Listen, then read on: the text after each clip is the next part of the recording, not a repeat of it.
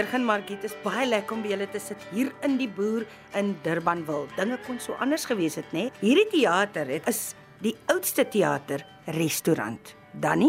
Dit is die oudste dink ek bestaande restaurant teater wat nog oor is uh, in die land. Uh, praat onder onder korreksie, maar daar was baie wat natuurlik ouer was, maar ek dink nie een van hulle is nog meer uh, in operasie as ek dit so kan stel nie.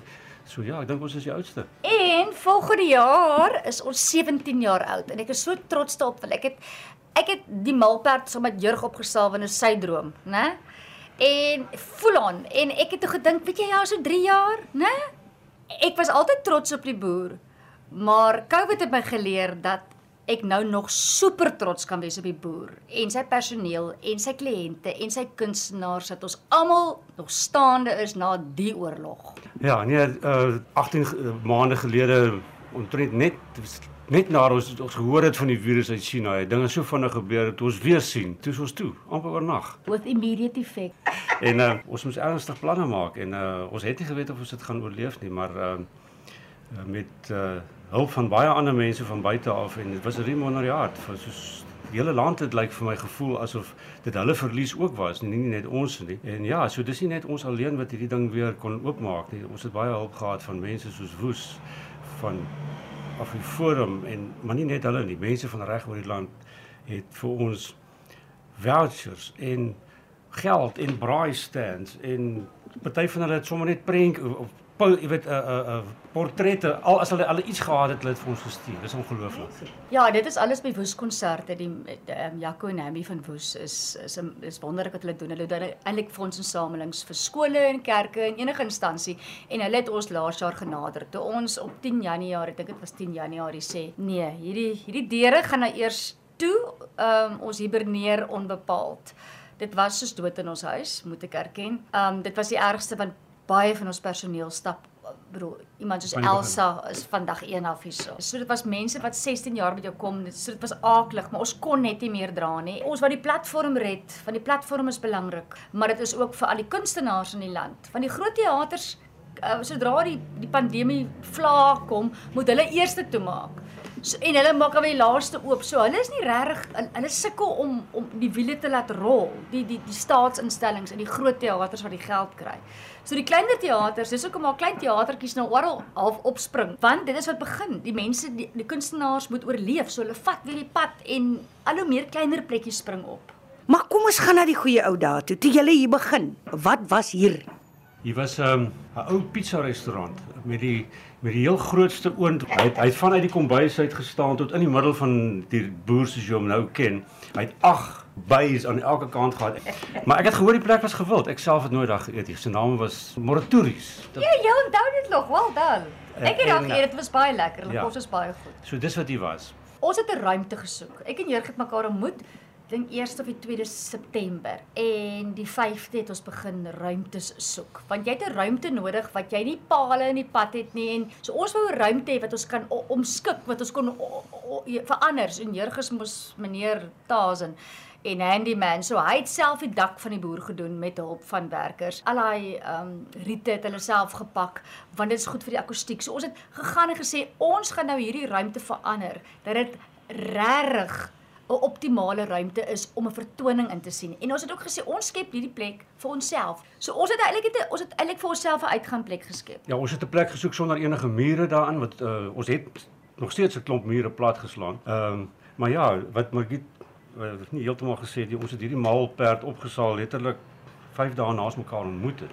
Ons, nee. ons het op die aand van wat ons mekaar ontmoet het, het ons het ons dit al beplan. Ek wil nie vir enigiemand anders aanbeveel om dit te doen nie, dit, ja. maar dit is maar net die waarheid wat gebeur het. En, en ons is nog steeds in mekaar ten spyte van dit alles, omdat ons so hard werk dat ons nie kan dink nie. Ek dink as ons gaan stil sit en dink, dan mag ons mekaar dalk vermoor. maar as jy sou kon uitsonder, wat lê hulle na in die hart?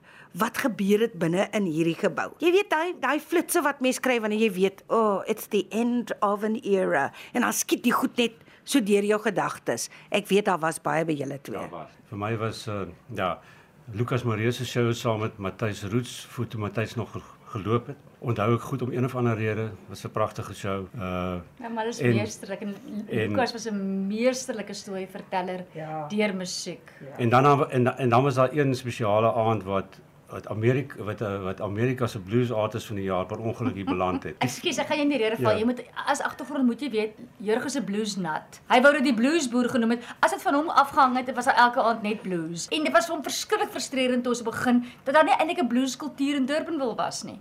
Voorstede het die Engelse mense baie meer te ondersteun.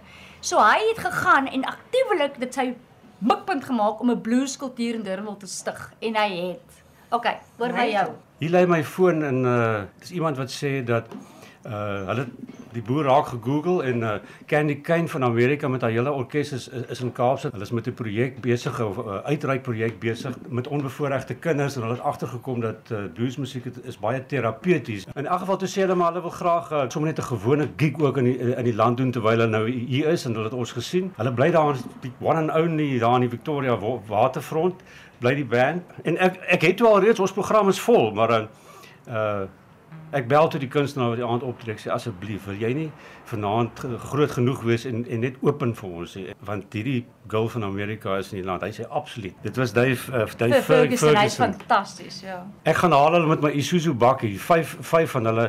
Party van hulle is agter in die bakkie, vier voor en ek en uh, al hulle instrumente. En daar was so ou tannie wat saam met hulle gery het. Ek dog ek dog is net een van die van die van die band se aanhangers of ek weet nie wie sy is nie. In elk geval, hulle vra toe vir ons, het ons 'n klavier, jy weet. Ek sê ja, hierdie een staan nie. so- Ek sê maar hy sê gestem, hulle sê nog beter, hy moet so 'n bietjie honkie tonkerig wees, jy weet. Sê Hulle sê moenie worry nie, dit hy's perfek. Hy moet almal net 'n klavier wees. En Candy Kane sê toe iemand gaan vir haar die show oopmaak en hier stap hierdie einste ou tannetjie. Sy speel daai klavier. Ek dog daai ding gaan bokspring so oor die oor die oor die verhoog soos wat haar naam is toe Sue Palmer. Daar's 'n Sue Palmer eh, dag in St. Louis in Amerika waar sy vandaan kom. Unbelievable klavierspeler. Daar was ook 'n vroue gitaarspeler, Laura Chavez. Ek sal haar nooit vergeet nie. Ongelooflik. En dan Candy Kane haarself. En sy is dood nou aan kanker. Aan, aan hele ruk terug al. Aan toe sy by ons was, was sy al siek geweest. Ja, wat 'n ongelooflike dag was dit geweest.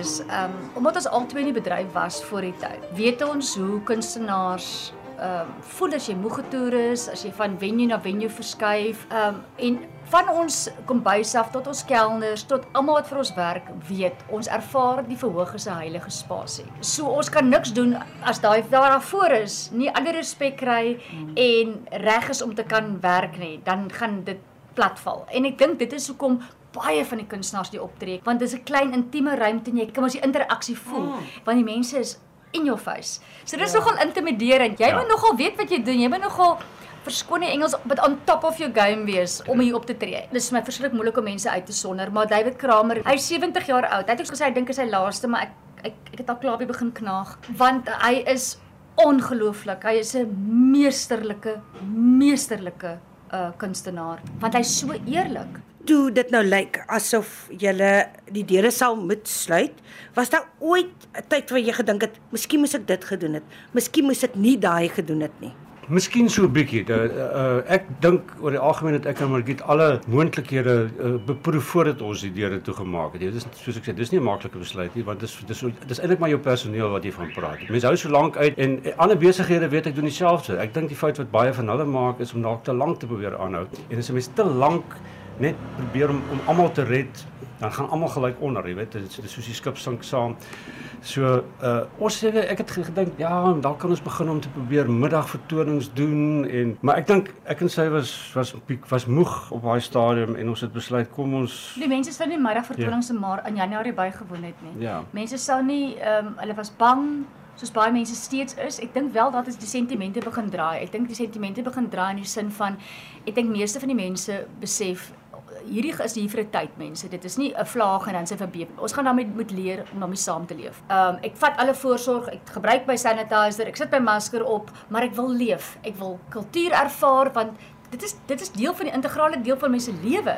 ons het ons hele operasie geherstruktureer met minder personeel Ek en Maggie manage die plek nou weer soos soos van dag 1 af. Daar's 'n klomp goeie dinge, jy weet wat mense daarvoor ook kan sê. Ons ons trek nou weer goedjies wat dalk deur die jare verkeerd geloop het of stelsels wat wat jy weet 'n ding kry op die ouens se eie momentum en baie keer bevraagteken en mense dit nie en dan forceer so iets soos COVID-19 jou om alles in heroonskou te neem. Dit gaan goed met ons op die oomblik, maar ons weet nie wat die dag van môre bring nie. Wat sou jy sê vir ander mense wat nou so sit en senuweeagtig is oor dinge net nie uitwerk nie?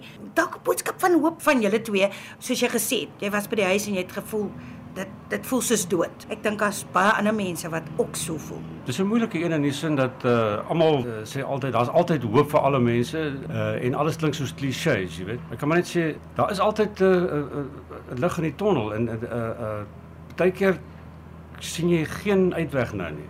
En en dan môreoggend as jy opgestaan het, uh dan lyk dit beter. Die belangrike ding op uh, dink ek is, is is om fisies na jouself te kyk en rus want mens kan nie mens kan nie aan 'n uh, aan 'n uitkoms dink as jy dood tot die dood toe moeg is die hele tyd nie. Partykeer kom jy uit weg sommer sonder dat jy dit verwag het. Wat ek geleer het jy uit. Nou en dan moet ons ons trots in ons sak steek en jou hand opsteek en sê ek kry swaar. En dit is nie noodwendig net finansiëel nie of jy moet jy moet mense om jy laat weet dit gaan nie oukei okay met jou nie. En ons doen dit nie want ons almal wil tog so perfek en funksionerend Mm, mm, klaar. oorkom en net net maar so 'n klad op ons naam en net net maar kyk mense skeef na jou. Nee, ek waardeer mense wat eerlik is en hulle harte oopmaak, veral mense na mense naby jou. En of dit finansiëel, emosioneel, geestelik of wat ook al is nie, ons moet daar wees vir mekaar. Maar ons kan net daar wees as jy oopmaak. Steek jou trots in jou sak en steek jou hand op en sê ek kry nou swaar.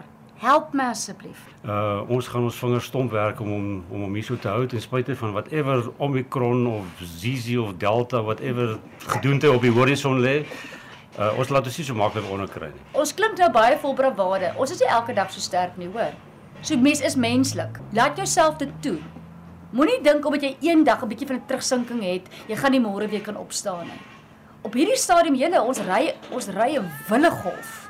En vir al die mense in die vermaaklikheidswêreld, die gasvryheidsbedryf, toerisme. So, ehm um, laat jouself toe, jy is net 'n mens, jy mag op en af gaan.